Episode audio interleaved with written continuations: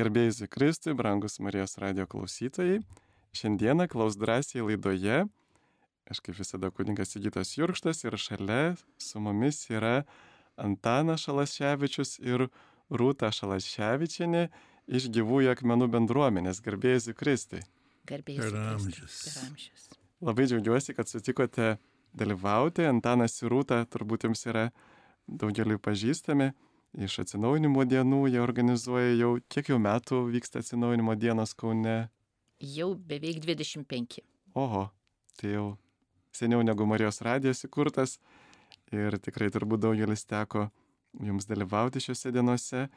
Ir taip pat jūs vedate ir saugusiųjų katechumenatą. Gal galite irgi papasakot, kas tai yra ir kam tai reikalinga? Saugusiųjų katechumenato programa suaugusiems padėti pasiruošti Krikšto sutvirtinimo pirmos komunijos sakramentams arba pagilinti tikėjimą. Tai vad turime nemažai ir sužadėtinių porų, kurie paauglystėje nepriejo sutvirtinimo. Ir dabar jau tokia sielovados toks raginimas, kad jeigu nori bažnytinės santokos, tai reikia ir būti priejusiam sutvirtinimo, nes vadinasi, neturėjai reikiamo ūkdymo. Na tai va, tai nemažai turime ir sužadėtinių, kurie ruošiasi santokai, bet neturi sutvirtinimo, tai irgi yra šitoje programoje. Bet šiaip katechumenatas pačia tikrąją prasme yra e, suaugusiems žmonėms pasiruošti krikštui. Bet kadangi Velyk naktie suaugusiems teikiami visi trys sakramentai - krikštas, sutvirtinimas ir pirmoji komunija, tai vadinasi įkrikščioninimo sakramentai. Programa ilga, nuo rugsėjo iki birželio trunkanti, nes tai labiau yra procesas. Ir mums tokia yra didelė privilegija matyti, kaip Dievas veda žmogų ir kaip per tos programos eigoje, na, žmonės pasikeičia, kokie ateina rugsėjai ir kokie išeina birželį begaliniai didžiulis skirtumas. Tai didžiulė privilegija matyti tą žmonių dvasinę kelionę. Bet žmonės dažnai sako, kad vat, jūs atstumėt nuo bažnyčios, na aišku, čia ne jums, bet čia viskupam kunigam, kad sako, verčia tokias ilgas programas dalyvauti eiti. Na yra kaip. Gal žmonės ir ateina su ta nuostata. Labai dažnai ateina su nuostata, kad, nu, šiaip apie Dievą aš beveik viską žinau ir ne, nesuprantu, kodėl reikia tokios vat ilgos programos, bet kai pradeda dalyvauti, nu, nes komanda yra dešimties žmonių, labai įvairūs, įdomiai praveda ir mokymus, ir liudimus, žmonės susidomi nuo pat pradžių, nes iš tiesų, vat evangelizacija yra labai svarbu žmogų sudominti, kad būtų jam aktualu tame, kame jisai yra. Ir jeigu tai pavyksta, tai labai greitai po vieno kito karto jau žmonės džiaugiasi, kad dalyvauja, nebūna jiem kankinystės.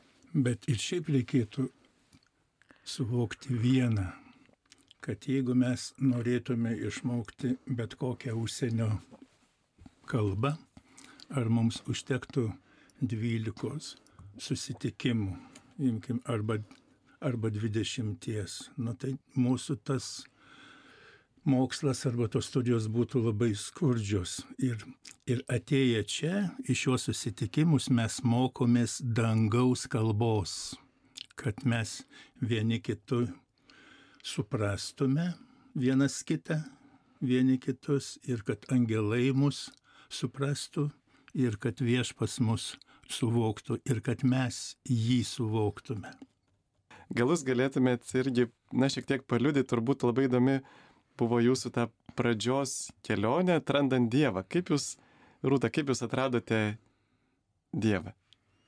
Buvo dar sovietmetis ir aš užaugau e, šeimoje, kur, kuri tikėjo, kad Dievas yra, bet nebuvo praktikuojantis katalikai. Tokia jau buvo mano tėvų šeima ir tėvų gyvenimas, kai jie iš savo e, provincijų atvažiavo į Vilnių, paskui į Kauną ir suleido šaknis Kaune, tai aš kaip manęs nieks nemokė nei tikėti, nei melstis, bet aš nugirzdavau savo šeimoje tokius pokalbius, kad Dievas yra, nu, turi būti. Vat, tėvų šnekas apie Dievą ar tėvų šnekas su bičiuliais.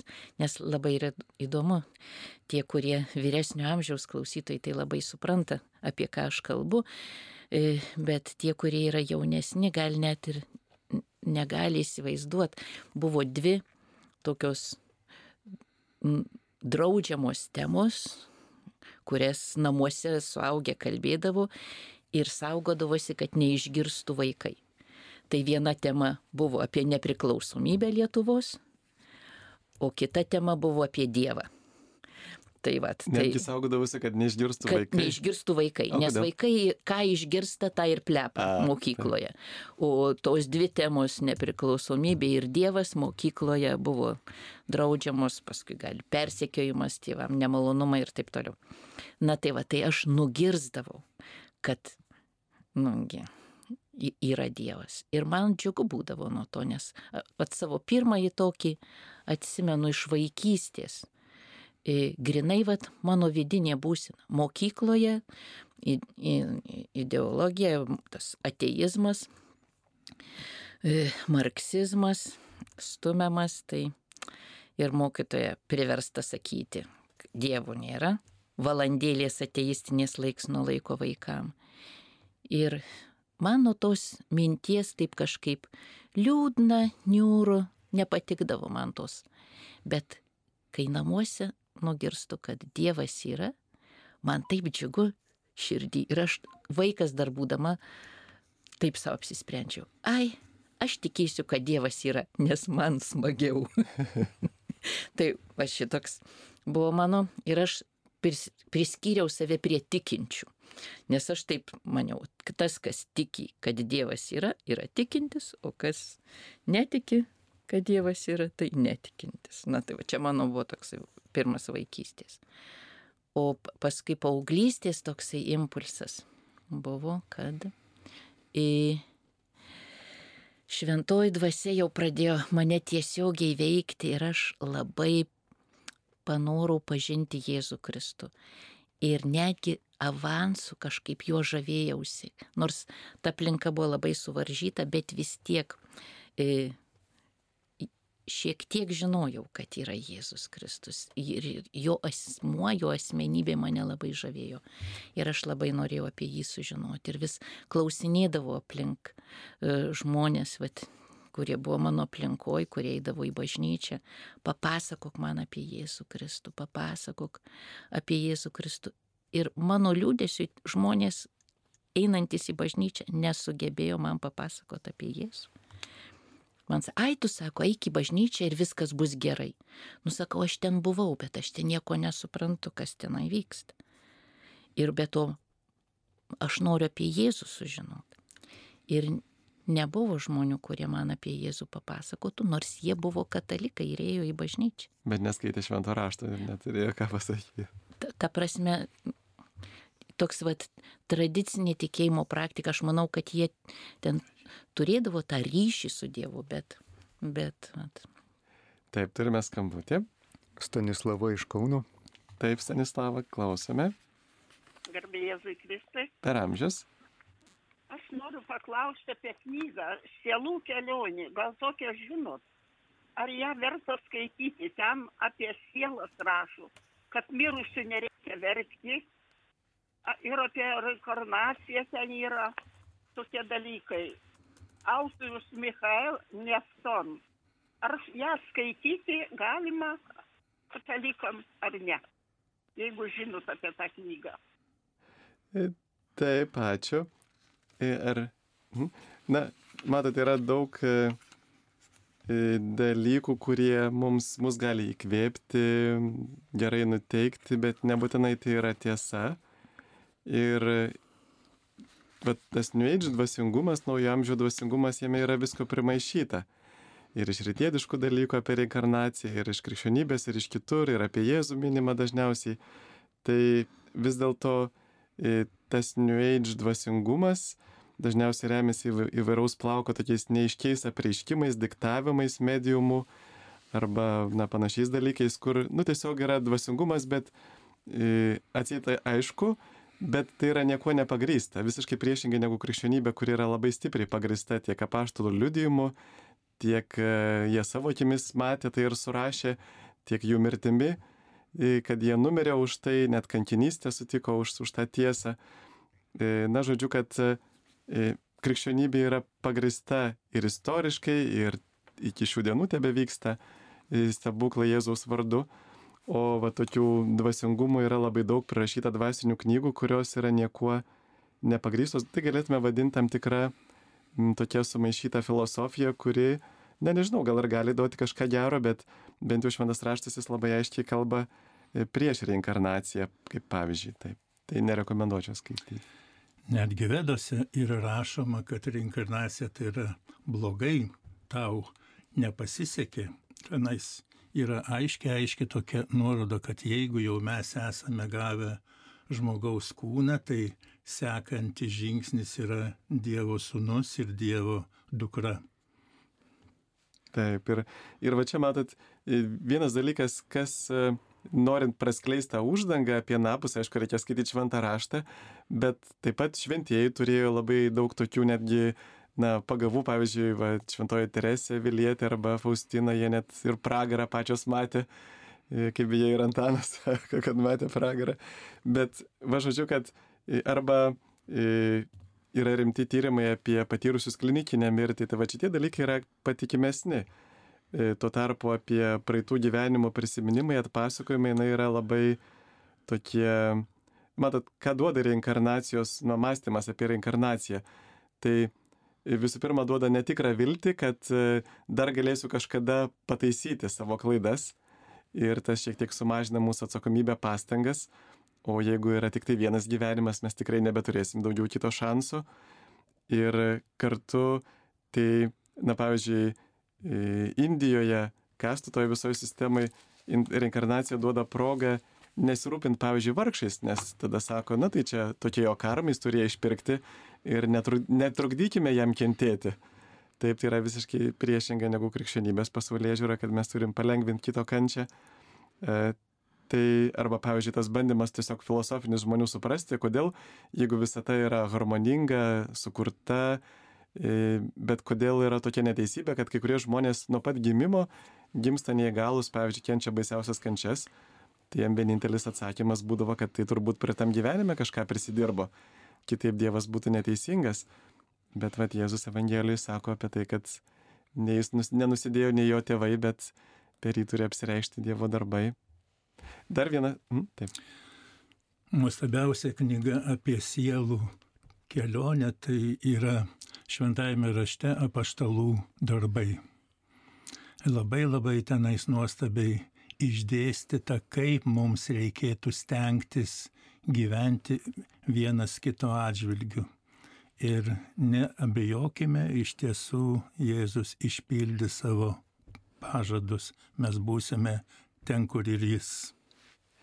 Ačiū ir dar Svetlanai iš Jonavos dėkoja Rūtai ir Antanui. Didelis dėkui už atvedimą pas Dievą, saugusią apie krikštijos, sveikatos jiems ir Dievo malonės jiems ir jų bendruomeniai. Ačiū labai. Ir mes dar turim šiokį tokį techninį sutrikimą, tai kol kas rašykite žinutės, dar turim kitą numerį, panašų numerį 8650 49106. 8650 49106. Tai kol kas rašykite šituo numeriu žinutės, pabaigoje ne 7, bet 6. Na, vat. Ir, o jums irgi teko matyti, na, va, tokių liudijimų žmonių, kur tikrai patyrė tokį didelį atsivertimą per, per tą, per katechomenato programą, per alfa kurso, per... Taip, e, nes tai yra lab, labai, nu, savita kiekvienam žmogui individuali patirtis ir verta jos siekti, e, laukti, būti atviram, nes vat, mes per katechumenato programą prašome ir mūsų komandos dalyvių ir gyvųjų akmenų bendruomenės narių, kad jie papasakotų savo atsivertimo istoriją, kaip vat, iš, įvyko juose tas virsmas iš tikėjimo, iš netikėjimo į tikėjimą, ar iš ieškojimo į tikėjimą, ir, ar iš tokio, nu, vien tik tai įstatymų laikymasi, apieigų laikymasi į gyvą tikėjimą. Tai begaliniai skirtingos istorijos ir tas ir rodo va, tą įvairovę. Ir lygiai taip pat paskui ir žmonėm, kurie dalyvauja katechumenato programoje. Tiesiog va, tie, tie virsmai, jie būna, kaip ir sakiau, žinai, tas net metų bėgyje, žinai, matosi žmogaus keitimasis. Taip, ir paskui jau jie irgi būna liudytojai, žinai, kitiems. Beveik visi liudijimai stebuklingi būna, nes visi labai labai džiaugiasi, nors ateina tokie suraukę šiek tiek nuoseles, kad ilgas laikas, bet įsivaizduokite, kaip ligoninėje yra lašelinės ir taip kapsi, kapsi lašeliai atrodo, nu tai ką čia, vienas lašas, ten antras lašas, bet jeigu dvi valandos į savaitę tokių mokymų, susitikimų, maldų, dalinimosi, tai po devyniarių mėnesių žmonės įskrenda. Ir nemačiau dar nei vieno, kad jis jau sakytų, ai čia viskas veltui, viskas veltui. Nei vieno liudymo tokio nebuvo, kad viskas. Mes e, taip pat turime katechumenato testinumo programas e, kurios tris metus trunka. Kiekvienais metais vis kitokios dvasinės pratybos, pirmiausia Ignaco Lojolos dvasinės pratybos, paskui švento rašto, paskui šventosios dvasios e, dovanų ir darybių pratybos tokias trijų metų dar tolesnė ūkdymo programa. O čia privalomai už tam tikras nuodėmės ar savanoriškai tas tris nu, tai, va, tai čia tiem, kurie baigia metus ir paskui sako, o tai kas toliau? Tai negi jau viskas. Visada yra tokių, kurie e, nori tęsti ir jų gyvenimo aplinkybės leidžia tęsti ir dar ne tik tai, kad dar vienerius metus, bet dar trejus metus. Ir vat irgi labai gražus liūdėjimas vienos moters, kuri irgi jau norėjo pasikrikštyti, jinai vyresnio buvo amžiaus. Ir atėjo į katechumenatą. Ir tai sako, tai kiek čia viskas truks. Devynis mėnesius jai atrodė amžinybė. Ir ką, jinai ne tik tai, kad tuos devynis mėnesius praėjo ir pasikrikštijo, bet ir vienus testinumo metus, ir antrus, ir trečius, ir net nežada baigti. Geras, taip. O kodėl kartais žmonės e, ima verkti per užtarimo maldas, na, kada išvyksta į savaitgalį, už jas meldiesi ir tikrai didelė dalis žmonių tiesiog pradeda, na, verkti per maldą. Kas čia atsitinka? Na, aišku, visokių yra priežasčių, kai žmogus yra taip toks ir sugrūdęs ir atviresnis, sugrūdęs, atviresnis, jau tai gali būti va ir tokie e, žmogiški dalykai, dėl jo žaizdų, dėl jo prisiminimų, dėl, dėl skaudulių, bet Kitas dalykas yra, kadangi veikia šventoji dvasia ir kai Dievas prisiliečia, žmogus visada reaguoja. Bet atsivertimo tose istorijose labai dažnai žmonės liudija, kad va, tas atsivertimo momentas būdavo ir su labai stipriom emocijom. Pliaupia ašarus ir nežinia dėl ko. Arba ima didžiulis džiaugsmas ir nežinia dėl ko. Tai Tai Taip, čia ir ačiū. dėl Dievo veikimo. Ačiū, turime skambutį. Mums skambina teklė iš telšių. Klausome jūsų teklė. Garbė Jėzui Kristui. Per amžius. Aha, o ką norėjot pasakyti, taip? Nu, va, aš dabar noriu pasakyti, taip. E, žinot, būkit geras, aš norėjau norėjau paklausti, kodėl kunigai negali atlaikyti mišes už, pa, už pakrikštytus vaikus. Jie kunigų yra čia kažkokia turėtų būti intencija. Ar jie prašo tėvo ir neprašo, užauktų Lietuvą, užauktų duori žmonės, jeigu pakrikštyt vaikas ir, ir šitą atlaikomus mišes yra labai geras žmogus užauga. Taip, ačiū, taip galite ir užprašyti, ir, ir, ir specialiai, bet aišku, tikrai, jeigu kunigai klausosi.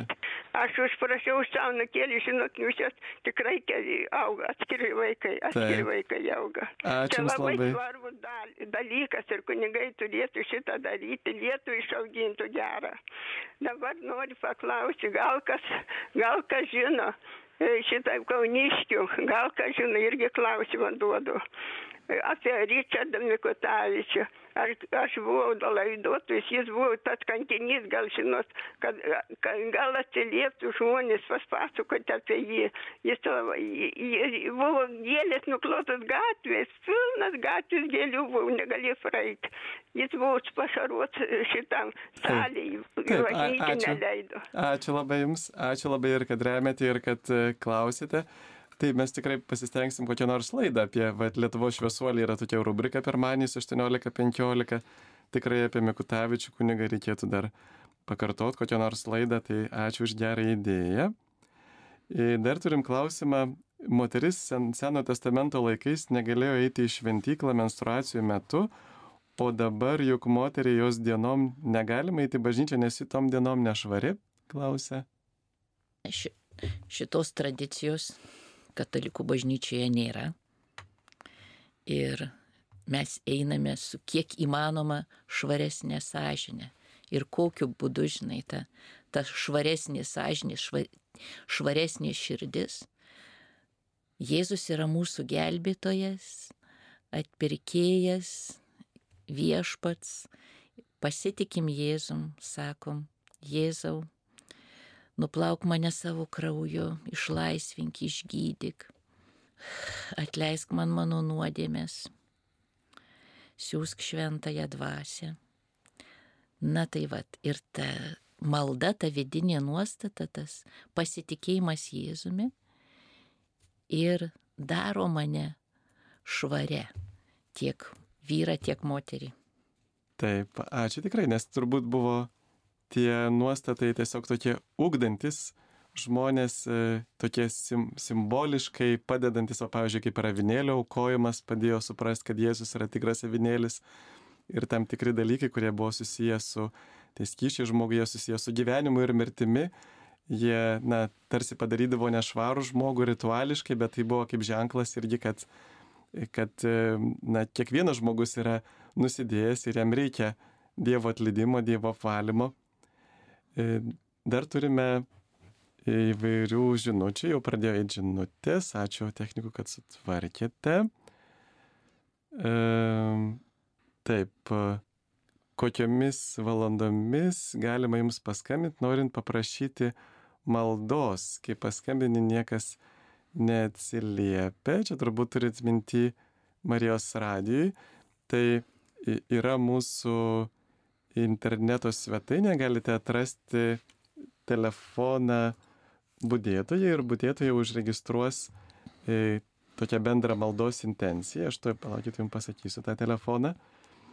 Ir tuomet, e, kada vyksta mišios e, Marijos radio koplyčioje arba Šilovoje 13 dieną, mes melžiamės kartu jūsų visų bendromis sudėtinėmis intencijomis.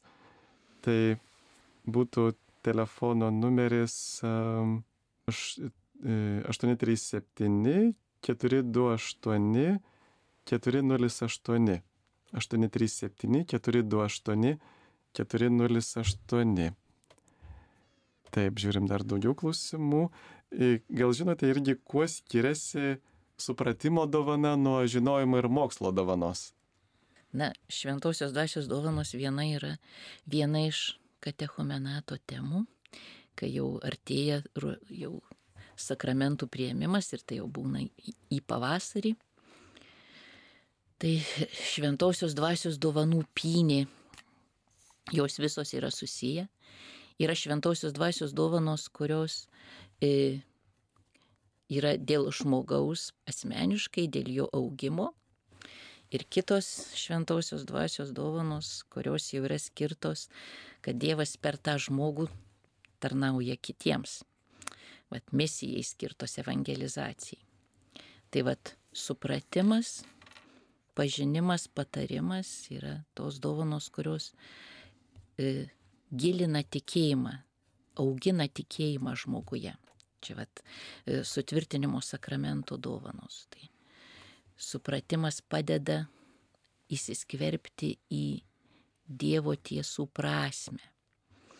Ir taip teisingai suprasti, ne, ne savo žmogiškų supratimu, bet jau su Dievo pagalba, šventosios dvasios, tokiu atidengimu, davimu giliau pažinti slėpinius, supratimas.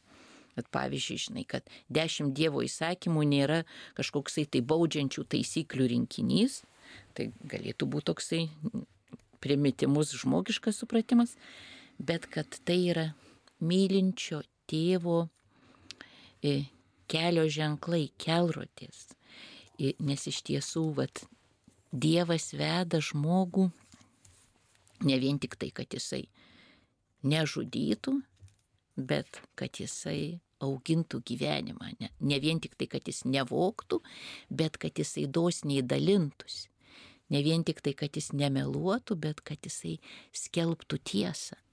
Na tai vad, tai, tai, tai yra, žinai, vad, supratimo dovana. Dabar dar buvo apie pažinimų, žinojimų pažinimų. Tai ko verti kūriniai ryšyje su Dievu. Toks santykio su Dievu kaip su savo tėvu patyrimas, kad aš esu mylima dukra, o tu esi jo mylimas sūnus. Ir va tas santykio su Dievu ir kokia yra begalinė, žinai, mūsų kaip kūrinių vertė. Tai duoda pažinimas, eina per santyki. Dažnai mes esame tokioje vienoje klaidoje, mes sakome, yra mokslas ir yra Dievas ir iškasame tarp šitų dviejų savokų bedugnę. Bet iš tikrųjų, jeigu mes užmerktume akis ir nukreiptume savo mintis į visą visatą, mes, mes rastume atsakymą, kad Dievas yra supermokslininkas. Nes visas mokslas išeina iš Dievo gelmių ir gyvenime mes maišome dvi savokas.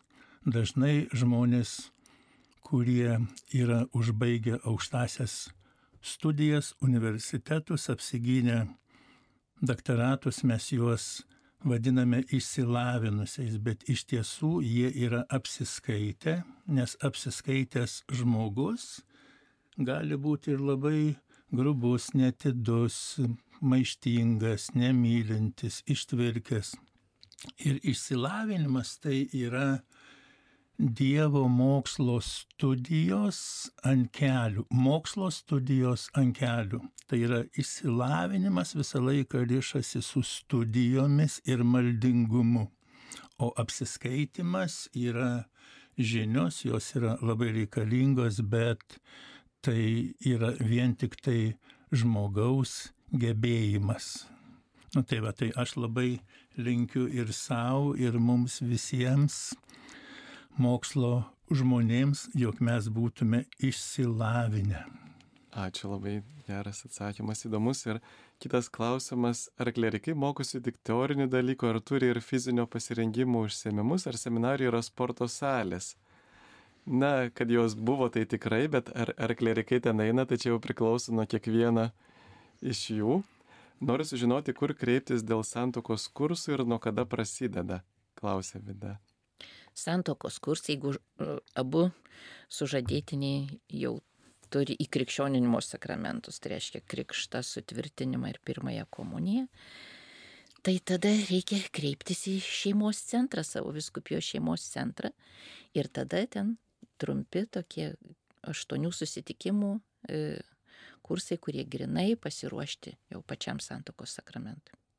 Taip, Dar priminsiu klausytėjams, kad galite rašyti žinutės arba skambinti telefonu 837323230 arba žinutės, žinutės galite rašyti jau ir numeriu 8650 49107. E, galite ypatingai parašyti apie šventąją dvasę, ko nors paklausti, arba apie pasirengimą sakramentams, jeigu turit klausimų ir visų kitų kurie susijęs su Jėzumi, su šventąją dvasia. E, toliau turime kitą klausimą. E, žinau, kad yra daug užtarėjų jūsų bendruomenėje. Papasakokite apie tai, apie užtarėjus ir užtarimą. Mes visi esame kviečiami būti užtarėjais. Imkime šeimoje, jeigu susirga žmona, vyras arba vaikas, motina tenais, močiutė, anūkai, visų pirma, mums reikėtų už juos melstis ir vėliau skambinti daktarui, kad būtų ir viena, ir kita. Ir užtarimas yra mūsų visų duona. Nes imkime, jeigu jūs atsiverstumėt Evangeliją, Morkaus 16 skyrius, pabaiga. Tai tenai įsivaizduokite, Jėzus mus ragina, sako, eikite į visą pasaulį ir skelbkite Evangeliją visai kūrinyjei. Ir ant galo yra rašoma, kad jie dės rankas ant ligonių ir šie sveiks. Tai užtarėjai esame mes visi, kurie esame ir pakrikštyti, ir sutvirtinti, ir šliubavoti. Ir kunigystėje mes visi turime vieni kitus užtarti. Ir savo namuose dabar jau mes užauginome penkis vaikus ir jie jau ir dabar suaugę, savarankiškai gyvenantis. Ir aš kaip mama ir mes kaip tėvai nuolat už juos melčiamės ir kartu ir atskirai. Ir tas užtarimas yra mano kasdienė duona ir ne tik už vaikus, bet ir už visus savo namiškius, o tų namiškių yra daugybė, tai yra tie artimi žmonės, kuriuos Dievas davė mano gyvenimą ir misiją, tai nuolat ir nuolat esu užtarimo maldoju už juos, prašydama ir tikėjimo malonės, ir atsivertimo, ir kad trokštų ieškoti Dievo karalystės Vat, ir jeigu būna kažkoksai konkretus reikalas, dar ir už tą konkretų reikalą. Tiesiog tai yra mano vat, kasdienės maldos dalis, bet taip pat ir va, kai būname išvykose, vat, misijose, parapijo atsinaumo dienose ar visokiose įstaigose, visada turime šitą užtarimo maldą ir palaiminimą žmonėms, nes žmonėms yra labai svarbus tas vat, kitų žmonių palaikymas, prisilietimas, kad jie savo reikaluose, savo pergyvenimuose nėra vieni. Ir tai yra vienas kitam didžiulė tarnystė, kad mes galime kito rūpeščius nešti Dievui kaip savo, tokia meilės tarnystė. Ir Dievas laiks nuo laiko vis duoda tokių vat ženklų, atrodo, meldėsi už nepažįstamus žmonės, o paskui žiūrėk po kurio laiko, sužinai, kas įvyko, kas ten atsitiko, kaip Dievas veikė. Nu, labai gražių yra liudėjimų tiesiog ir jie skatina nepailstamai tą daryti. Ir tai nėra taip, kad vien į nežinę, laiks nuo laiko Dievas duoda žinoti, žinai, kokie yra vaisiai šitos užtarimo maldos. Taip, jo ir, ir laiškė fiziečiams irgi Paulius rašo, kad be palievos kiekvienu metu melskitės dvasioje visokiojopomis maldomis ir prašymais, be palievos būdėkite maldą užtardami visus šventuosius ir mane. Tai iš tikrųjų. E, ir kitas klausimas Taip, metai baigėsi, noriu padėkoti tiesioginių laidų vedėjams, tenka pabūti vienam, todėl gyvas klausimas padeda ypač ačiū. Ar šiuo metu užtenka kunigų diakonų? Na, aišku, kad jų nėra labai daug ir jie apkrauti įvairiais darbais, bet į Marijos radiją, ačiū Dievui, sutinka ateiti. Ir tikrai Lietuvoje dar yra daug kunigų ir diakonų, bet Aišku, kad pašaukimų yra tikrai mažokai. Tai galite tikrai klausytai prisiminti, prisiminti Jėzus. Sakė, melskite pjūties šeimininką, kad siūstų darbininkų į savo pjūtį. Kokia jūsų nuomonė apie kunigų klerikų savižudybės, kodėl apie tai bijome skelbti viešai? Savižudybė tai yra labai skaudus dalykas, bet jinai visą laiką įvyksta dėl piktojo klastos, bet yra labai svarbus antras aspektas, kad aš turiu nuolat būti įsikibęs į Jėzaus ranką ir į Dievo žodį. Niekada nereikia tų žmonių smerkti. Aš tai visada melžiuosi už juos, už visus savižudžius, net neanalizuodamas, ar jie tenai nušojo vienas kitą, ar tenais narkotikus valgė, ten naudojo tenai, ar tenais mirė nuo alkoholio, nes visa tai įvyksta dėl velnio klastos. Ir Jėzus iš tiesų juos labai myli, aš visus ištariu, bet imkime, aš pats nenorėčiau nusižudyti, nes aš visą tai išgyvenčiau kaip dezertiravimą, dezertiravimą iš gyvenimo.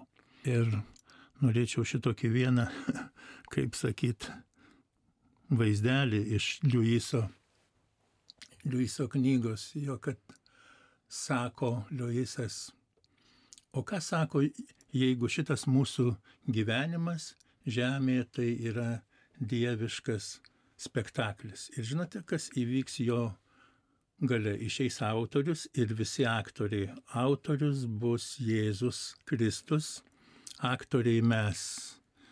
Ir sako, ir visi plos tenais, angelai, šventieji, ir Jėzus kelbs, o dabar vyks nominacijos už pačią geriausią rolę.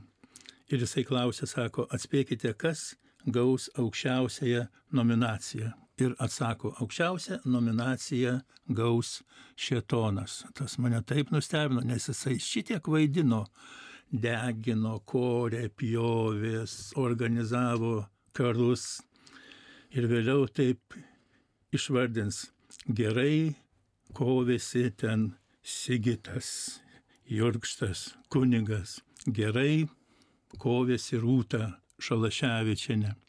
Bet kokia bus gėda, jeigu ištars, bet labai liūdna, kad gėdingai iš to vaidinimo pasitraukė Antanas Šalaševičius ir buvo šitokia gėda, tai mane šitas vaizdas labai labai įkvėpia. O ką jeigu tai vaidinimas, mums yra skirtos rolės.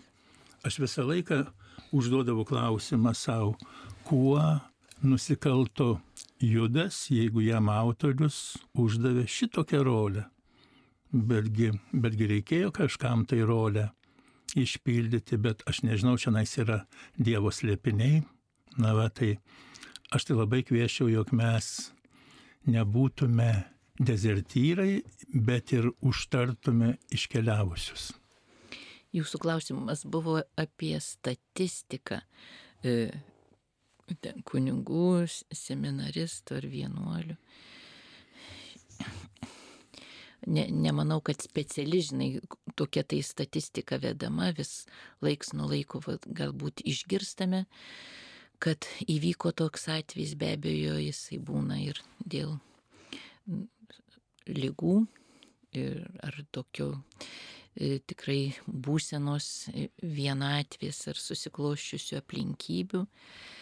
Ir be abejo jaučianai tada jau ir viskupų atsakomybė ir e, pačių kunigų kaip tikėjimo brolių ir tarnystės brolių atsakomybė aptarti, žiūrėti, pastebėti labiau tuos atvejus, kaip pasirūpinti, kad žmonės nebūtų vieni.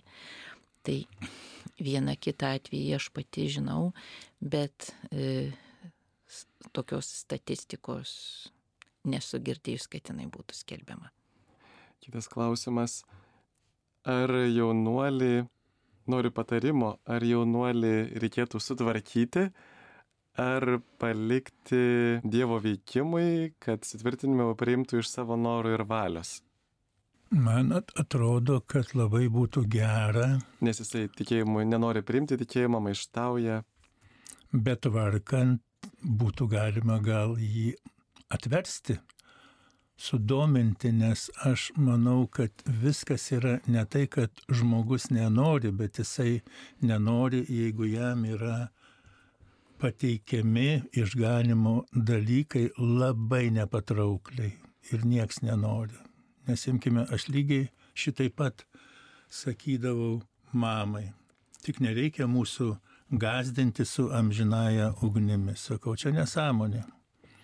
Bet žinote, kaip atėjo laikas ir aš išvidau, kad tai yra iš tiesų, tai man iš karto striktelėjau ir iš karto užsimaniau dangaus ir maniau savo, kad aš nenoriu jokios laimės žemėje, nei būti ten žinomu, nei bagotų, nei ten išmintingų, bet kad tik tai šitoje vietoje neatsidurčiau.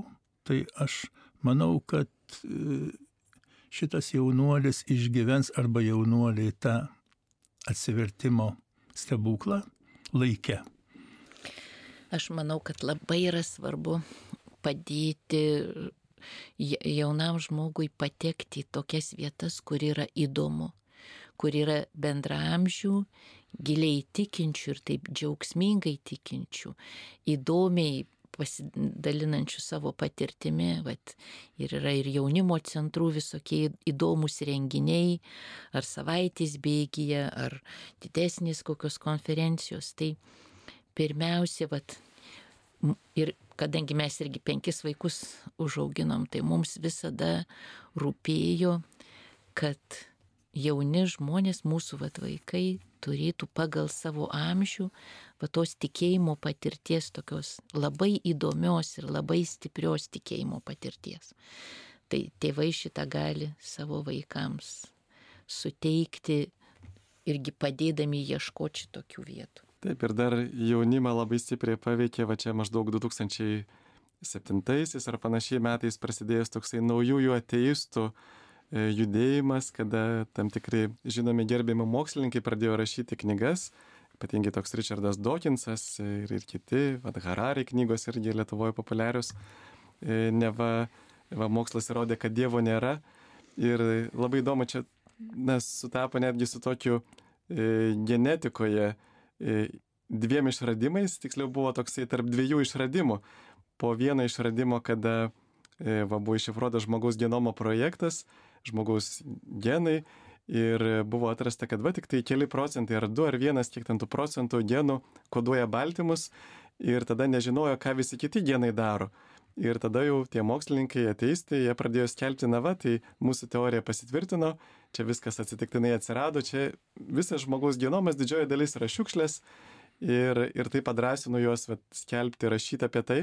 Ir po kelių metų išeina kitas atradimas jau irgi genetikoje, kad pasirodo žmogaus visi genai 80 procentų, 70 procentų nuolat veikia, kad tai yra sudėtinga jungiklių sistema, kada vieną geną įjungia, kitą išjungia, jie įvairiai pasireiškia ir kad tai visai nešiuklės. Tai va matot, tam tikros mokslo spragos įkvepia e, mokslininkus sakyti, kad Dievo nėra, ir dargi kaltinti tuos, kurie mato Dievą iš gamtos, iš mokslo, kas yra akivaizdžiai matoma, ypač dabar, kai mes pažįstam, kokia yra sudėtinga lastelė, kad apskritai genetinė informacija yra turbūt labiausiai koncentruota ir specifinė informacija visatoje.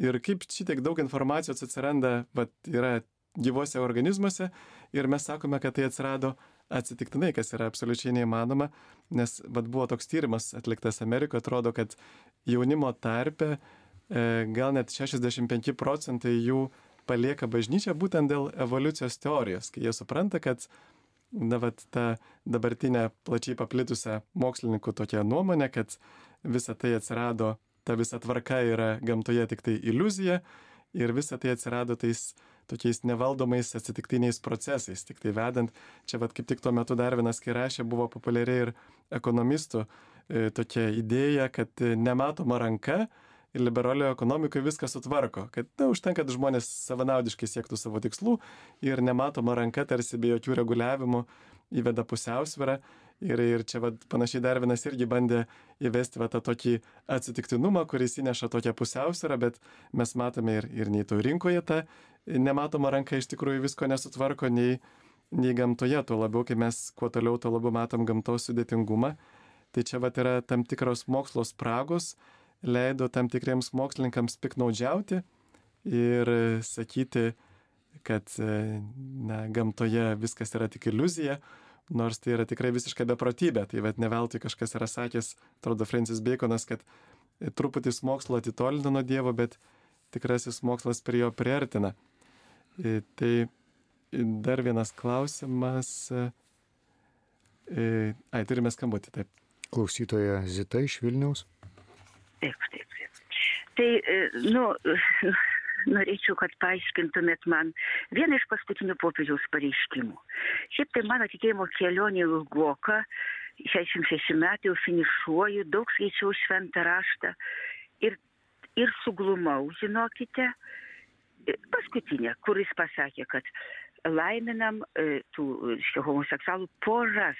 Jis nepasakė kiekvieną iš jų.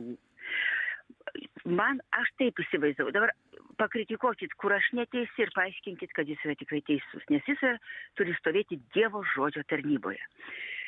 Dievas, aš taip įsivaizduoju, myli žmogų, nekenčia nuodėmės. Myli žmogų, nekenčia nuodėmės.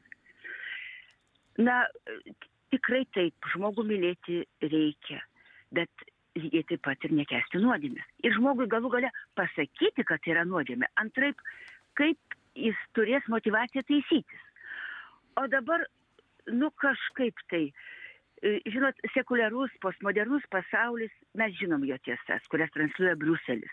Aš tarp kitko už Europos Sąjungą, aš nesu putinistė.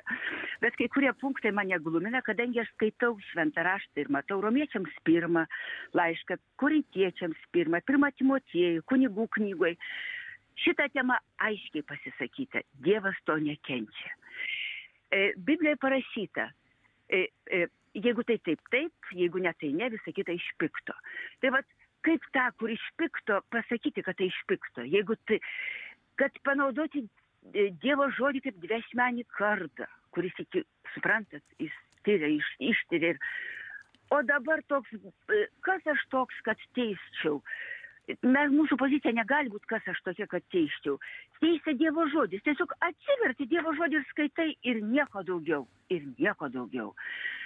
Nu, išver, paaiškinkit, nes žinokite, suglumstu ir dabar greit reiks stotis prieš Dievo teismą, o aš tokia va tokia protestuotoja ir svarbiausia, negerbiu popiežiaus pozicijos. Ja, kritikuoju. Taip, Viskas. ačiū. Paaiškinkit. Na, mes jau praeitoj laidoje labai daug apie tai kalbėjome. E, Už to slypi tiesiog du principai. Aišku, kad pačiam dokumente kaip tik yra ir nurodoma, kokiais atvejais negalime laiminti porų. Tai būtent tokiais atvejais, kada grėsia papiktinimas, kada e, jie savo gestais kažkaip tai vat išreiškia, kad jie yra na, kažkokia tai pora, pavyzdžiui, susikibę už rankų ten ar panašiai. Ir šventame rašte parašyta, kad mes turime laiminti vieni kitus, o ne keikti, netgi savo priešus laiminti taip. Nors, aišku, Jėzus e, kalba palaiminimuose Mato Evangelijų penktam skyriui, kad Dievas laimina tik tai tyra širdžius, ten gailestingus ir na tuos, kurie vykdo Dievo valią. Tai vad vėlgi čia yra tas, e, ta mintis, kad viena vertus Dievas laimina visus ir e, kartais tas Dievo palaiminimas mums kaip tik ir padeda atsiversti, dar prieš mums gyvenant teisiai, bet e, kita vertus mes um, Dievas negali laiminti nuodėmės. Tai vat, būtent apie tai ir rašome irgi tame dokumente ir patvirtinama, čia beje, ne popiežiaus, o tikėjimo mokslo kongregacijos dokumentas ir kurį prefektas sakė, kad turės viskupai patys priimti kaip nori ir, ir na, kad jų, jų bus to dokumento įgyvendinimas būtent viskupų rankose. Bet aš tai sakyčiau, kad, na be abejo, taip, tai įneša tam tikrą dviprasmybę, bet uh, intencija galbūt būtų, nu, va, tas toks siauras kelias nei į kairę, nei į dešinę, kad e, viena vertus mes neatmetame nei vieno žmogaus ir, ir Dievas trokšta teikti savo palaimą visiems. Ir kita vertus, e, tai neturi būti e, sudaromas įspūdis, kad laiminame tų žmonių tarpusavio nuodėmingas ryšys. Tai va tai apie tai yra rašome tame dokumente. Tai va ta, ta riba yra siaura, kaip ir einant lynu, gali nukristi ir vieną, ir kitą pusę. Tai e, turbūt labai dažnai mes esam linkę į tam tikrus kraštutinumus. Tai čia yra bandymas nubrėžti va tą tokį, kad ir tai, ir tai, na tai yra įtampa. Iš tikrųjų, ta tiesa yra įtampoje tarp dviejų tam tikrų kraštutinumų. Jo, taip, iš tiesų šitas nutarimas, jisai atneša įtampą kokią 20 tūkstančių voltų aš atsimenu, kaip įtikėjau, įtikėjau tai kaip aš žiūrėjau Dievo įsakymus, tai man kažkaip vienas nepatiko, kad visada klausimą uždaviau, tai dėl ko Dieve reikia tik tai su viena žmona, kai šitiek daug vienišų moterų, tiek daug našlių. Bet man irgi ta nuostata labai taip nepatiko, bet ilgainiui aš suvokiau, kad Dievo žodis mane veda į gyvenimą, tai va šita nuostata, jinai man irgi lygiai šitaip pat nepatinka, bet aš nežinau, ką Dievas veiks, bet man rodosi, kad šita nuostata mus visus nuskaistins ir ganytojus nuskaistins ir tikinčiuosius. Ir mes imsime matyti neužilgo, kas už ką ar už Dievo žodį, ar vadinasi čia ta nuostata bus kaip trojos arklys įvestas į bažnyčią. Žodžiu, mūsų visų laukia labai įdomus nuskaistinimo laikas. Čia žinote, taip ir vyko ta epidemija už katų. Nu, bet aišku, reiškia, mes visi rinkomės, mes visi rinkomės jo savo suvokimą irgi tai aš manau, kad už šitą nuostatą reikėtų mums iš dalies ir, ir dėkoti, nes tuoj tuoj išriškės, kas mes esame iš tiesų. Aš manau, kad mūsų laukia be galo įdomus laikas. Aišku, labai kontroversiška padėtis, daug diskusijų ir du skirtingi poliai ir viskupų konferencijos. Vienos pasisako, kad netaikys e, šitos, e, šito dok dokumento. Na dabar paskutinis jau tikėjimo mokymo dikasterijos prefekto kardinolo Fernandeso tas vat, toks paaiškinimas, kad viskupų konferencijos ar atskiri viskupai savo viskupijose turi patys nuspręsti, kaip geriausių būdų jiems tinka tai taikyti ir be abejo viskupai kartu su savo kunigais ir vieną, ir kitą, ir trečią kartą galbūt svarstys, gal kas turi daugiau patirties, susidūrę su tomis situacijomis.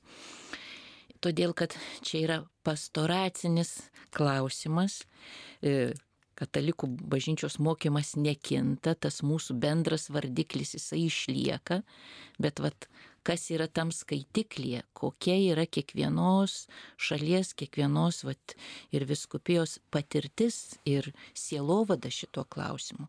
Todėl, kad kaip mes esame vat, katechumenato programoje e, jau 25 metai, vat, suaugusiųjų, tai ir kuo toliau, tuo labiau žmonės ateina iš labai sužaloto gyvenimo ir labai ne pagal Dievo tvarką gyvenimo, bet jie nori pažinti Dievą, jie nori krikštytis, jie nori sutvirtinimo, jie nori komunijos, bet jų vat, ši gyvenimo sritis nuo Dievo plano yra labai toli nutolus. Ir kaip dabar tą žmogų palydėti link Dievo ir, jo, ir link jo mokymo ir link jo tvarkos. Tai niekada nepradedam nuo to, o žinai ką, tu gyveni nuodėmiai, čia reikės šitas reiti tvarkyti. Mes nuo to niekada nepradedam. Tai būna link pavasario šitie dalykai ir žmogus dalyvaudamas programoje pats jau pradeda kelti klausimus, oho, truputėlį aš čia prasilenkiau. Vat.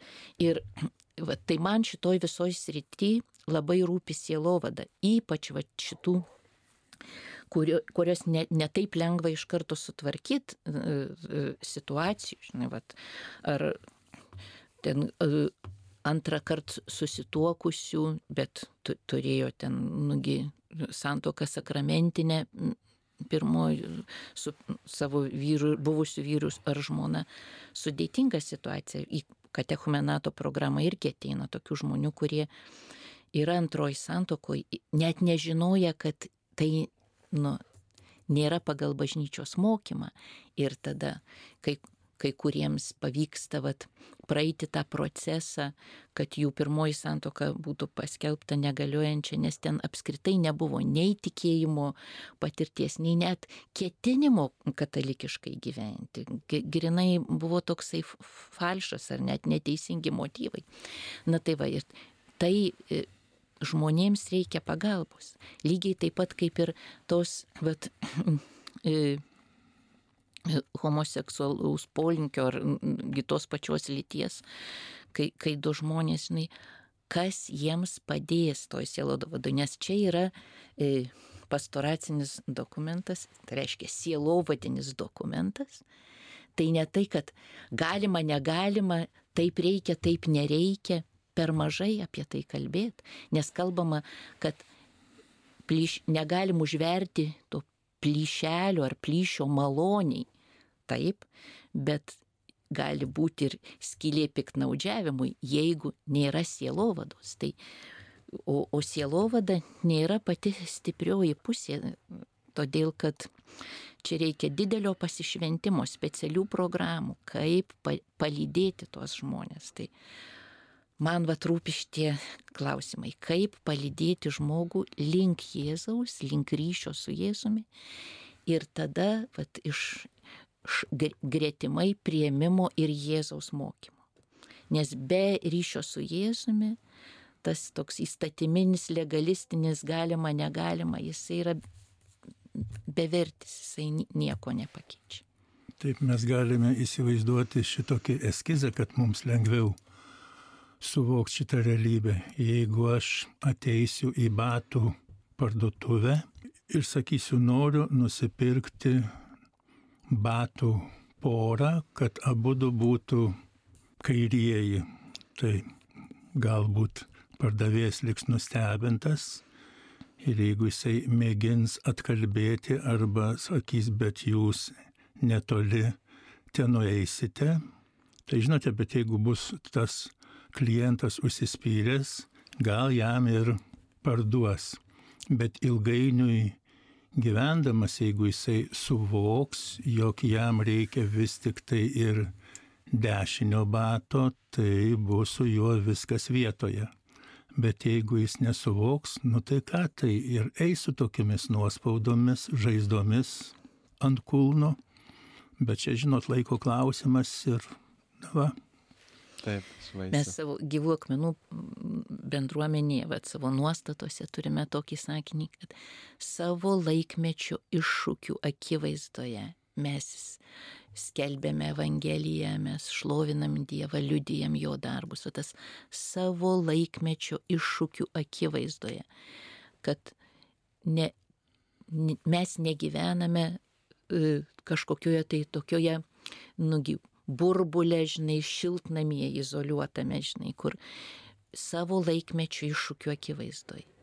Tai kai esame tikroj evangelizacijoje ir susidurėm su tikrai žmonėm, kurie niekada krikščioniškai neugdyti, kurie yra visiškai iš vat, pasaulio, bet kažkaip jie ieško Dievo, tai kaip palydėti juos.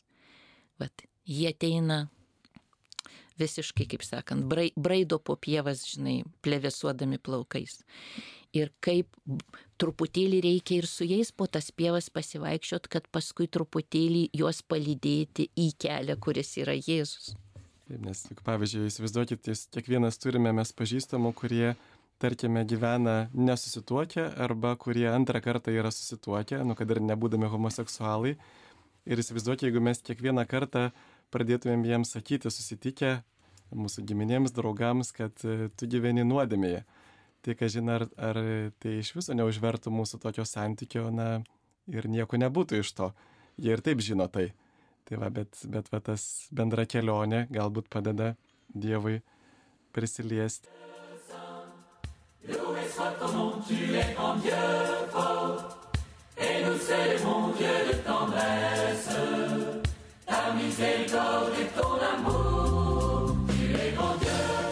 Pokalbių laida Klausk drąsiai.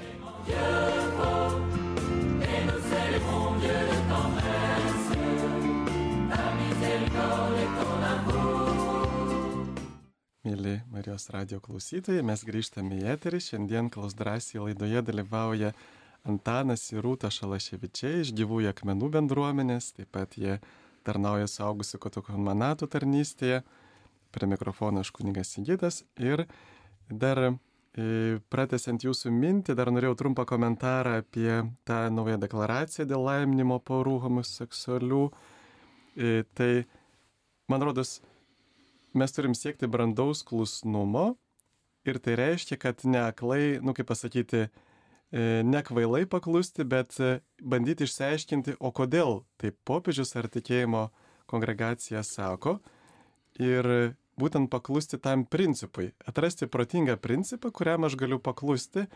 Ir taip pat turėti tokį irgi principą, kad stengtis paklusti bažnyčiai, nes bažnyčia yra mūsų hierarchija, yra mūsų vienybės pagrindas jeigu mes e, pradėsim nepaklusti popiežiui dėl įvairių dalykų ir Vatikanui, tuomet įvyks kilimas bažnyčioje. Tai va mes turim norėti paklusti ir atrasti protingą, protingus principus. Ir juos, manau, galime labai aiškiai atpažinti. Tai vienas principas, kad bažnyčia neatstumia jokių žmonių, tame tarp ir homoseksualių asmenų ir jų porų. Ir antras principas, kad bažnyčia nelaimina nuodėmės. Ir va, abu tie dalykai yra parašyti tam dokumente. O kaip jau praktiškai gyvendinti, va vienas kuningas sako, na sako, jeigu prieitų pora, sako, aš palaiminčiau kiekvieną atskirai. Gal tikrai tai būtų išmintingesnis sprendimas, negu juos kartu laiminti. Tačiau nepriimkime kaip kažkokio tai, va, kad būtinai taip ir ne kitaip, bet atpažinkime tuos principus, kuriuos norėjo pasakyti mums kongregacija. Dar klausimas buvo, ar gauname 31 gruodžio ir sausio 1 visuotinius atlaidus. Tai taip, 31 dieną gauname dalyvaudami mišiose, pasimeldę popiežiaus intenciją ir sukalbėjo po komunijos Tave Dieve garbinam himną. Tai jeigu nebus kartu su bažnyčia, tai galime asmeniškai susirasti Tave Dieve garbinam gruodžio 31, o sausio 1 reikia sukalbėti su kitomis sąlygomis dar O dvasia viešpatė nuženk himną, galėsim gauti visuotinius atlaidus ir juos paukoti už e, save arba savo mirusius artimuosius. Dabar perėsiu trumpai keletą tokių trumpų klausimų. Atsaky... Ai, turime skambutį. Skambina genė iš Grigiškių. Taip, genė klausome. Garbė Jėzui Kristui. Per amžius. Aš norėjau tik pataisyti, kad mes Dievą pievose visada galim surasti, garbindami, išlovindami už gražų dangų, už gamtą. Bet telefonuose, kažin ar mes Dievą surasime. Ir tarp kitko nereikia gesinti Kristaus šviesos, kaip pavyzdžiui tokia malda, kur per rožinį kalba. Kristus buvo kūdikėlis paklusnus Jėzui ir Marijai. Kristus visada klausė dangaus Dievo ir vykdė jo valią. Kaip parašyta Biblija prieš Jėzos vardą priklaups kiekvienas kelias danguje, žemė ir po žemę. Ir kiekvienos lūpos Dievo tėvo šlovė išpažins, kad Jėzus Kristus yra viešpats. Negesinti Kristaus šviesos tokią maldą, nežeminti Jėzaus Kristaus. Taip, Jisai ačiū. Dievo tėvo Ačiū dešinėje. už jūsų komentarą, ačiū. Taip, tai dabar e, turime keletą tokių klausimėlių. A, kas yra šventosios dvasios krikštas ir kaip jį įgyti? Gal čia vis tiek jūs, kaip būti pakrikštytam šventąją dvasę? Čia Jono Krikštitojo pranašystė apie tą, kuris ateina po jo, kuriam jis ne, nevertas atrišti kurpių drygželio, jisai krikštis jūs šventąją dvasę ir ugnimi. Tai yra Jono Krikštitojo pranašystė apie Jėzų, kad tarsi svarbiausias dalykas, at, svarbiausias tikslas bus šitą turėti dovaną, šitą patirtį, būti pakrikštytam šventąją dvasę ir ugnimi. Tai pakrikštyti reiškia panardinti šventąją dvasę, tai reiškia šventosios dvasios pilnatvė e, žmogaus gyvenime. Tai krikštu ir visais sakramentais ir visais kitais būdais mes gauname šventąją dvasę ir jinai veikia per sakramentus, per kai melžiamės, kai skaitom Dievo žodį, kai esame bendruomeniai, kai esame evangelizacijai visais būdais. Bet yra ir tokia patirtis, kaip šventosios dvasios krikštas, tarsi išsiliejimas, kai žmogus trokšta, yra atviras, meldžiasi, už jį meldžiasi ir jisai gali patirti tokį labai gausų šventosios dvasios išsiliejimą. Kaip patyriminį, kai jis išgyvena labai giliai Dievo tėvo meilę, kad yra mylimas sunus, mylima dukra, kai labai realiai išgyvena ryšį su Jėzumi, kad Jėzus tikrai yra viešpats ir jam artimas, ir jo draugas, kuris yra už jį, jo gelbėtojas viešpats, bet ir labai artimas ir taip pat šventosios dvasios veikimą, dovanas, įkvėpimus. Praktiškai e, tikėjimas tampa labai gyvas ir žmogaus ryšys su Dievu ir su žmonėmis, santykis ir su savimi pasikeičia. Tai tas šventosios dvasios išsiliejimas, pripildymas. Nes šiaip krikščionio gyvenimas yra gyvenimas šventojoje dvasioje, paskui ir kasdienybė keičiasi. Nes mes, mums kiekvienam yra skirta gyventi šventojoje dvasioje, kasdieną. Tai Aš dvasios krikštas. Tai vieną šitokią mintį, kaip žmonės klausia, o kaip atskirti, ar aš esu vedamas šventosios dvasios ar ne.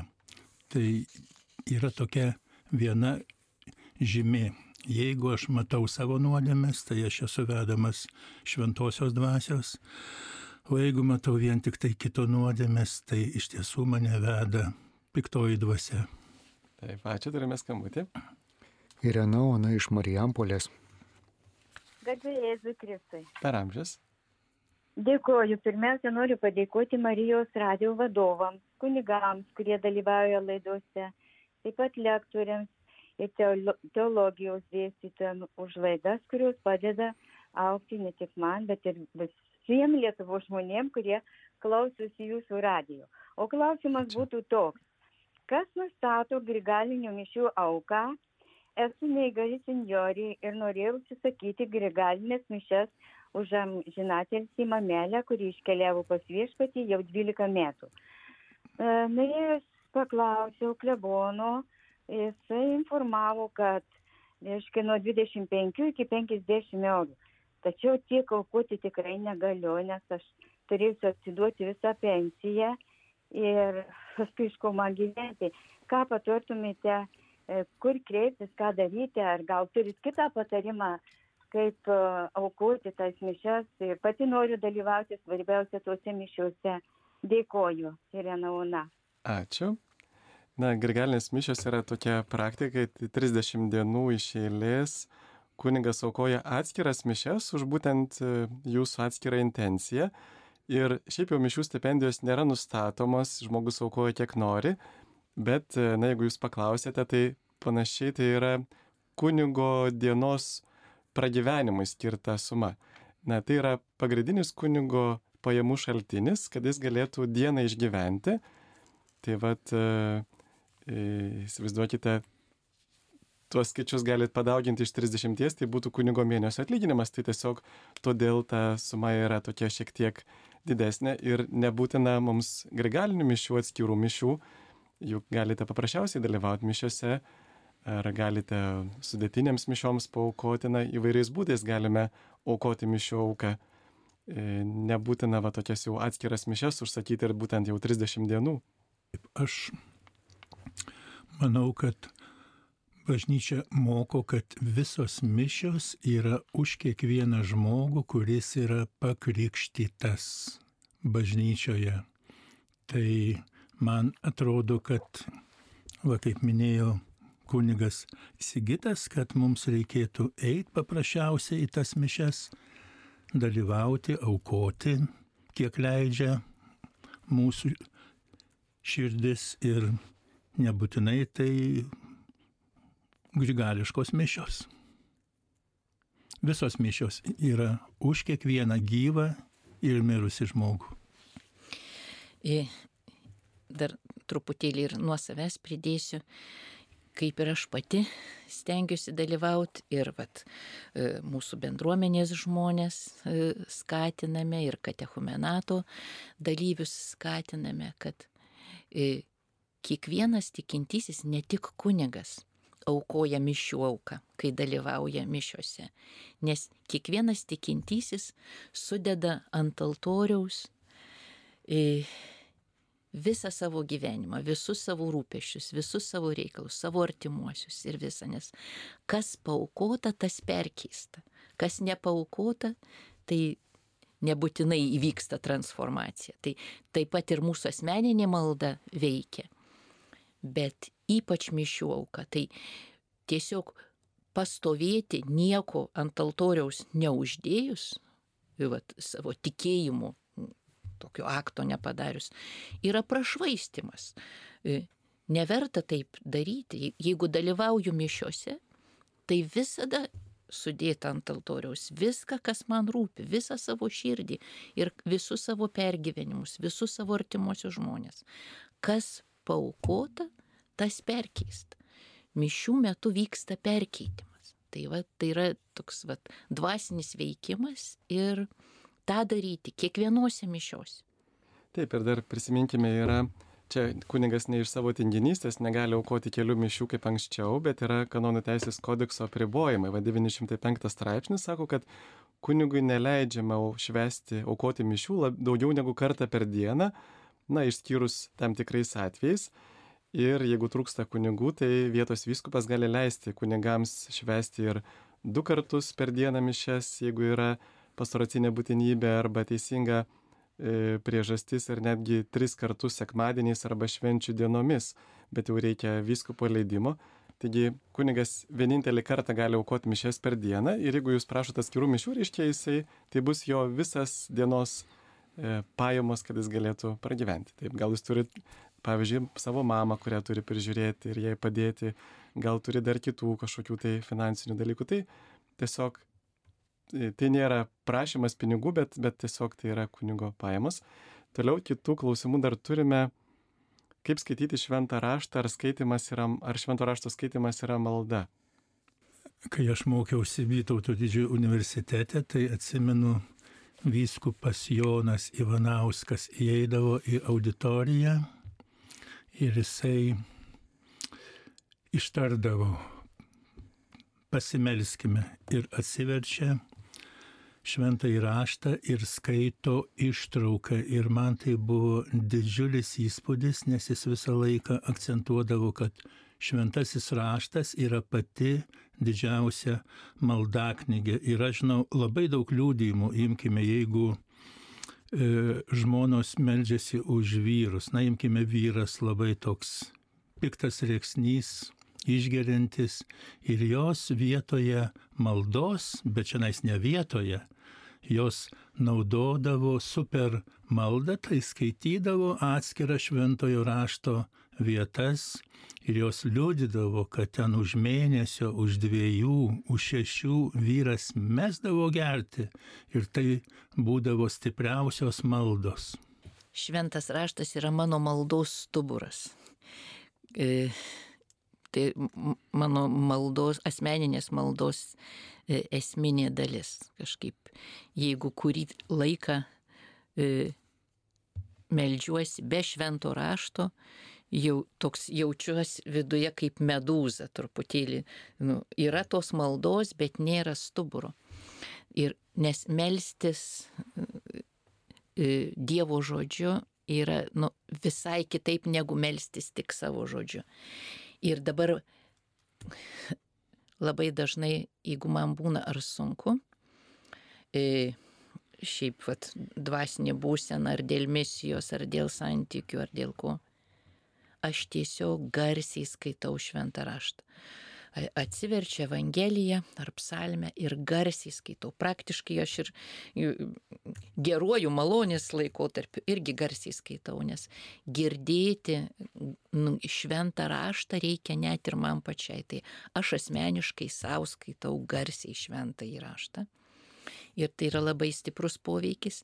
Ir mes kartu su Antanu poroje labiausiai mūsų mėgstama malda yra skaityti vienas kitam garsiai šventą raštą ir paskui pakomentuoti, pamedituoti ir paskui tuo, tuo žodžiu pasimelsti.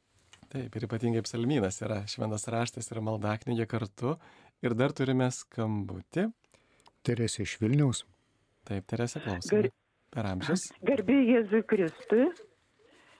E, labai tikrai aš irgi prisijungiu prie tų žmonių, kurie skaito, kad e, mano, kad e, vis dėlto Marijos radijas nuveikė labai daug mūsų tėvinėje dvasiniai plotmiai. Dabar mano toks, labai man rūpimas toks va dalykas dėl, vėl dėl tos būlės naujosios popiežiaus. E, kai dirbau tikybos mokytojo, teko ten iš teologijos rašyti tokį nu, kaip žinot, ten baigytos mokslus ten apie sąžinės balsą. Ir iš tikrųjų nuodėmė tai yra, kada žmogus veiki, ką nors darai prieš savo sąžinę. Ir dabar, kai aš išgirdau, sužinojau šitą dalyką, ką popiežius paskelbė, man taip čia sukilo, žinot, taip krūtinį pasidarė, taip pradėjo virdulys virti. Nes man suprantat, kas rūpi, kad daugybė žmonių e, katalikų bažnyčia dabar atstums. Atstums todėl, kad jie nesigilina. Jiem, nu, suprantat, jie kaip gal paviršutiniškai žiūri, ar kaip, bet tokių yra katalikų pas mus, kurie ateina į bažnyčią du kartus į metus, ten taip toliau, taip panašiai. Bet kažkaip tai, suprantat, ir tada nuvilnėjo per tautą mūsų tokia nuomonė, kad tipo, jau bažnyčia laimina homikus, čia kas čia darosi, čia svieto pabaiga ir taip toliau ir panašiai. Vat. Tai vad, mano akise, pavyzdžiui, mano sąžinė, tai man vis dėlto susviravo popiežiaus neklaidingumo dogma. Ką jūs apie tai manote, aš jūs gerbiu, ačiū su Dievu. Taip. Jūs žinote, yra šitokia klasikinė mintis, kad kodėl mes bažnyčioje susitikę juda, metame sekti Jėzumi. Mums jokių būdų nereikėtų iš jos išeiti, o likti su savo širdies nuostatomis ir iš tikrųjų, na, mums reikia suvokti, kad gal per visą tai išeis gerų dalykų, gal bus labai daug atsivertimų, gal bus, kaip sakyt, ištikęs mus šokas ir mes iš naujo dar labiau visi būsime šventesni. Mes nežinome, kas įvyks, bet mums jokių būdų nereikia šitos bažnyčios palikti mūsų bažnyčios.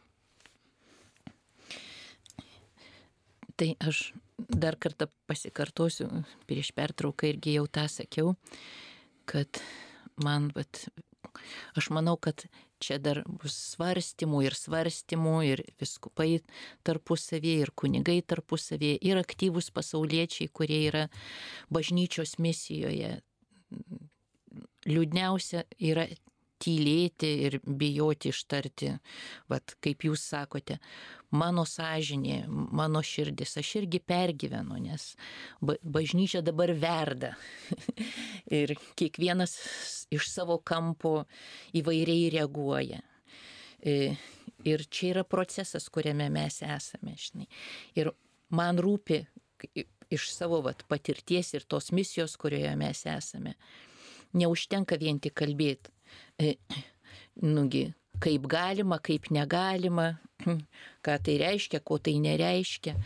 Man rūpi, kas palydės tuos visus žmonės link Jėzaus, nes tai ir yra sielovada. Čia yra pastoracinis dokumentas. Čia kalbama apie pastoraciją, tai reiškia sielovada, sielos vedimą.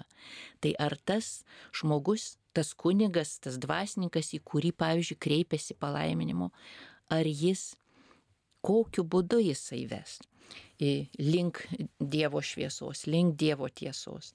Nes vat, žmonių ugdymas ir toksai nuoseklus yra didžiulis iššūkis ir nedaug žmonių yra tame. Mes esame labiau pripratę eiti sakramentų, tokių visokių patarnavimų į bažnyčią. Ir labai nedaug turime galimybių dalyvauti gerose, nuosekliose programuose, nes tam visada trūksta žmogiškųjų išteklių resursų. Taip ir, na, popiežiaus neklaidingumas, nepamirškime, yra labai labai ribotas kaip dogma, tai jisai pasinaudojo tuo neklaidingumu tik tai keletą kartų iš viso per visą istoriją. Ir todėl mes turime, na, vad, skeldamas, pavyzdžiui, dogmas apie mergelės Marijos nekaltą prasidėjimą, dangun paėmimą, tai va mes turėtume e, tiesiog atsižvelgti į, va kaip ir minėjau, tuos principus, kuriuos mes galime išvelgti, o jau juos taikyti kiekvienas turime, na, pagal savo patirtį, išminti įsitikinimus. Ir pats popiežius čia keletų dienų po tos e, deklaracijos irgi taip vėlgi e, pasakė tokius žodžius, kad reikėtų vengti e, tokių sustabarėjusių ideologinių pozicijų. E, vat vėl neaišku, kam jis taikė tuos žodžius. Ir kad e, irgi minėjo, kad E, jau 60 metų po antro Vatikano susirinkimo vis vyksta ginčiai tarp progresyvių ir konservatorių. Ir iš tikrųjų sako, nu negerai, kad taip yra, kad iš tikrųjų tai vyksta ginčiai tarp tų, kurie myli ir kurie praradė savo tą meilės, pirmąją meilę. Bet aš gal sakyčiau, kad reikia tiesiog, e, vyksta ginčiai iš tikrųjų tarp tų, kurie gina meilę ir tarp tų, kurie gina tiesą. Bet mums neužtenka meilės be tiesos ir tiesos be meilės reikia abiejų. Tai vad mes ginčiamės dėl dviejų dalykų, bet iš tikrųjų reikia ir vieno, ir kito. Kad būtų meilė tiesoje, nes kitaip ta meilė gali vesti nuodėmę, o ir tiesa be meilės gali vesti į žiaurumą ir vėl į prasilenkimą su Dievo įsakymais. Tai, tai būkite tikrai ramus, popiežiaus neklaidingumas dogma kaip dogma apibūdina tik tada, kada jisai skelbė su vienybė su visais pasaulio viskupais, eks katedra, tam tikras, pavyzdžiui, dogmas. Taip, tai, tai tokių atvejų labai retai būna, o visą kitą mes priimam jo kaip autoritetą ir bandom įsiklausyti, ką jis nori pasakyti. Taip, tai e, dar vienas, viena graži žinutė. Sveikiname jūsų šventom kalėdom ateinančiais metais ir dovanoju Marijai ir jums šį savo eilėraštį. 2001 parašytas. Vilties karalienė Marija, nuo žemės ir aukšto dangaus, išgirsti meldimą žmonijos, sulaukti sugrįžtant sunaus, jau veržės, jau veržės per tylą, galinga rožančiaus malda, kiekvieną, kas nori gyventi, meilingai pakviesk pas save, iš motinos rankų priimsim ir džiaugsmo ir skausmo taures, svarbu, kad neliktų ne vieno, kuris nepažino tavęs, apie juos kitų visą pasaulį, malonių žydrais kaspinais, te viešpatės meilė pražįsta pačiais nuostabiausiais žiedais. Dėkuoju Jums, kad esate tie pražydė žiedai. Ačiū labai, Angelį. Taip, dėkuoju. Angės. Taip, dar turim visą krūvą žinučių, aišku, nespėsim jas atsakyti, gal tada pasistengsim trumpai dar. Taip, mano toks liudimas dėl popiežiaus išleisto įstatymo mane irgi sukrėtė iki širdies gelmių, bet kai prie jų išpažinties supratau, kad už šitą įstatymą tai tikrai nebūsiu Dievo teisiama, žiūrėkim tik savo nuodėmę. Tai vėl pakartoju, kad tai yra ne popiežius, bet tikėjimo mokymo kongregacijos deklaracija ir kuri nekeičia niekaip nei tikėjimo, nei moralės, bet, na, įveda tam tikrą naujovę, kad e, anksčiau, kaip ir būdavo labai griežtai, tas pažymime, kad e, jokių homoseksualių porų laiminimų, bet dabar pasakoma, kad e, laiminame kiekvieną žmogų, neklausinėdami, kas jie tokie yra, gal tie žmonės, pavyzdžiui, broliai ar panašiai prieėję prie kunigo kokioje šventoje vietoje. Tiesiog e, laiminame visus, bet negalim laiminti nuodėmės ir jokių būdų tai neturi atrodyti, kad kaip homoseksualių santokų palaiminimas.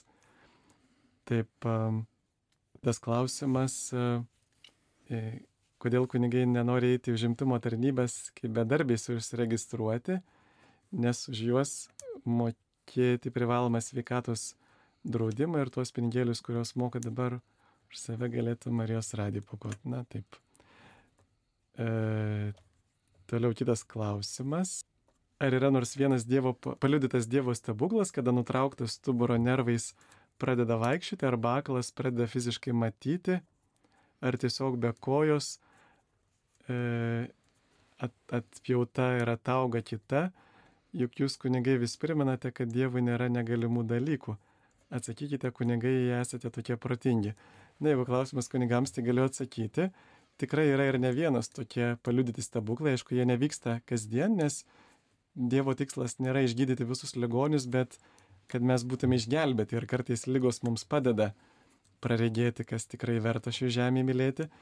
Ir pavyzdžiui, tokia Gema Didžiordži e, tėvo Pijaus užtarimu pasveiko, būdama visiškai akla, e, neturėdama akių netgi vyzdžių, ji pradėjo regėti, visą gyvenimą regėjo neturėdama akių vyzdžių, tai buvo didelė mislė mokslininkams, arba lurdo stebuklų, tarp jų yra ne vienas, kur žmogus aklas praregėjo, pavyzdžiui, Louis Burriet, man atrodo, antrasis lurdo stebuklas, viena akis jo buvo sužeista, nematė ir pradėjo regėti po to, kai jis nusiprausė lurdo vandeniu, arba vat, naujausias stebuklas e, seselė vienuolė pradėjo vaikščioti, kai sėdėjo invalido vežimėlėje jau kel, kelis metus, e, buvo suparaližuota, negalėjo vaikščioti. E, ir kitas klausimas, ar geriau pasirinkti eutanaziją ar savižudybę kaip kilpą ant kaklo. Tai be abejo, kai netikim, jeigu mes netikime, kad Dievas yra, tai tikrai turbūt, kaip kažkuris iš tų mąstytojų sakė, kad vienintelis klausimas gyvenime tada kyla, kada nusižudyti ir kaip.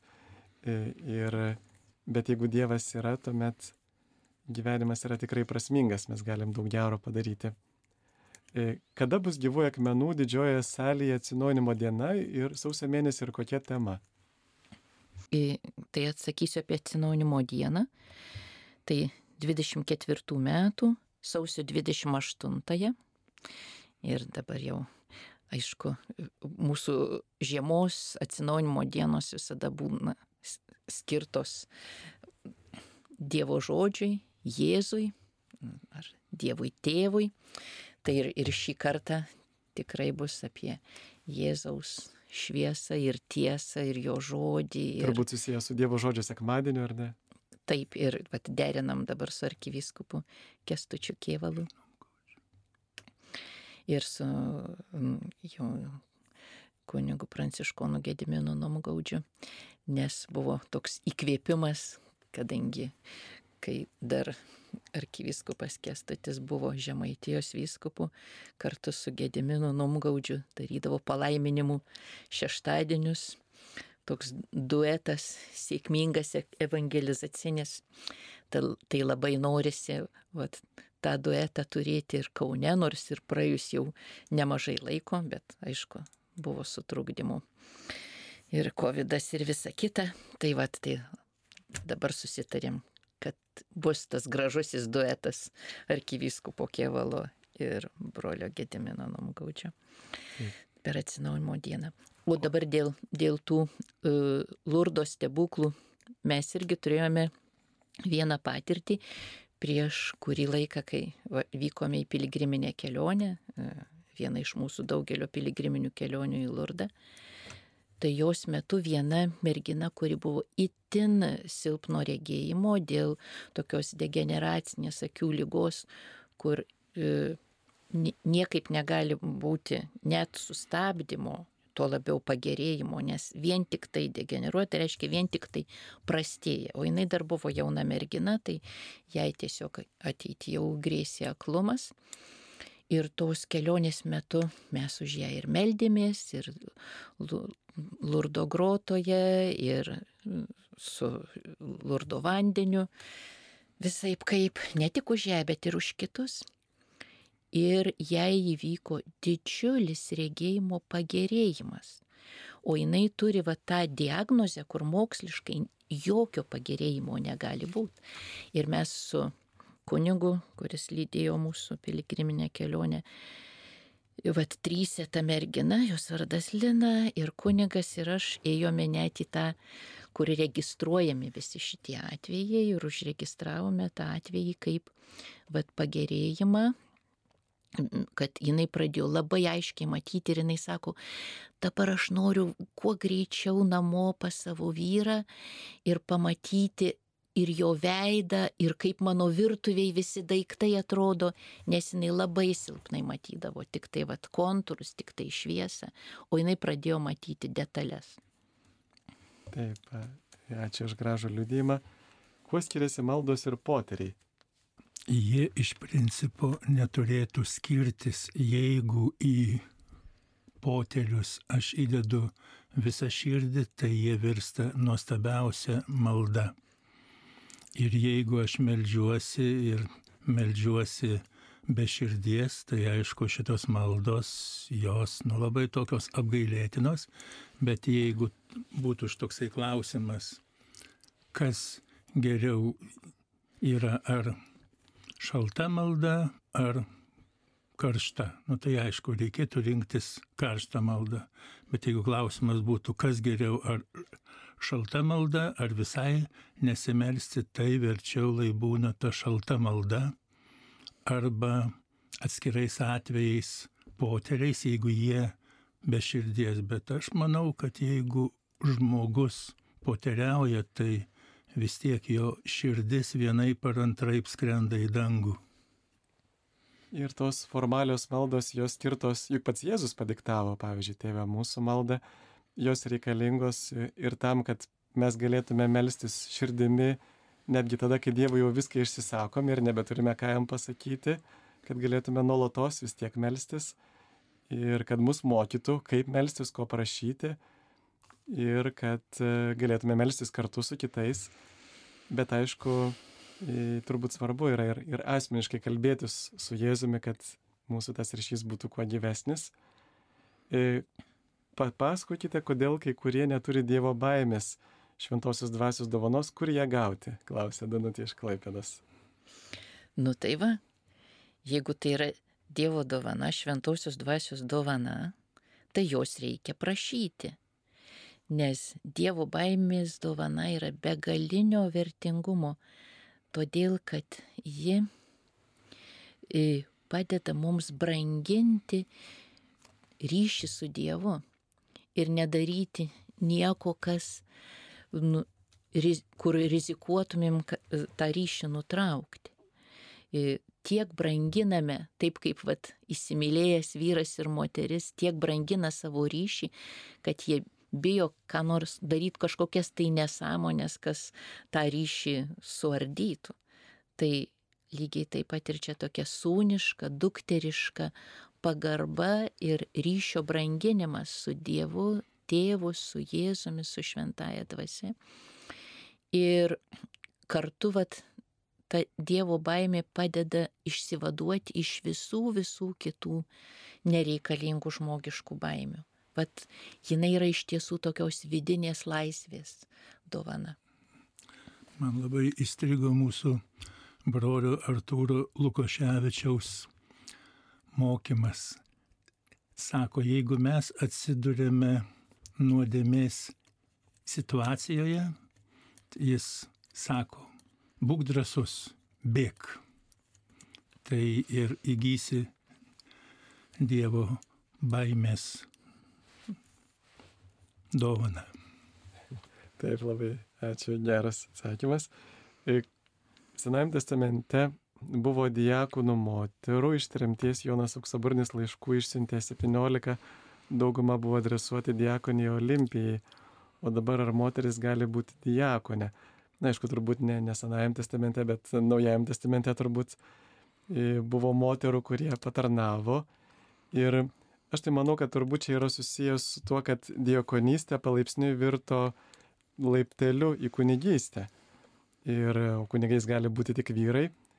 Bet e, aš manau, kad tai turbūt yra atviras klausimas. Nežinau, gal jūs dar irgi žinote, galbūt vieną dieną ir, ir bus galima moterims tapti diakonėmis. Taip, turime skambutį. Antanas iš Kaunų. Sveiki. Labadiena.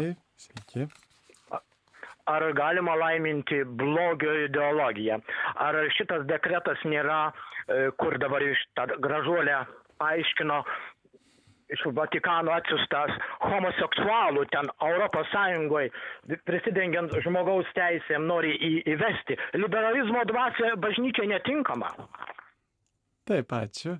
Na, aš manau, mes jau pakankamai kalbėjome apie tai, bet e, kai kurie žmonės nenori išgirsti argumentų. Tai Be abejo, kad tai nėra laiminimas blogio ir, ir apie tai parašyta pačiame dokumente, bet, bet aišku, tas tiesa, kad ta, e, susidaro tam tikra dviprasmybė e, ir na, mes turėtume iš tikrųjų saugotis, bet vėlgi tam pačiam dokumente parašyta, kad turėtume saugotis.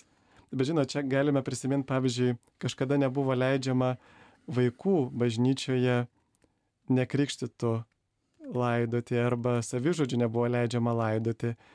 Ir paskui bažnyčia nu, tas nuostatas pakeitė tam, kad, na, pavyzdžiui, savižudybė, aišku, kad yra blogas dalykas ir nėra pavyzdys, bet mes galime laidoti dabar savižudžius, todėl kad, na, tikime, kad Dievo gailestingumas galbūt jie dar suspėjo priimti tą Dievo gailestingumą, mes nežinome, tai negalime jų teisti. Tai va čia irgi toks tiesiog yra bandymas, na, galbūt vienu laikotarpiu pastoraciškai buvo gerai, pavyzdžiui, nelaidoti savižudžių, nu, kad tai netaptų tam tikra mada, pavyzdžiui, taip. Bet kitų laikotarpių galbūt yra, e, va kaip tik savižudžio nelaidojimas, kaip tik atstumtų žmonės nuo bažnyčios. Tai čia toks yra, nu, pastoracinis sprendimas, tai nėra, nėra kalba apie, apie bažnyčios mokymo keitimą. E, taip, man 50 metų, ar verta priimti sutvirtinimo sakramentą? Taip, būtinai verta. E, tai kreipkitės į savo parapiją, jeigu tenai yra suaugusiems skirta programa pasiruošti sutvirtinimui.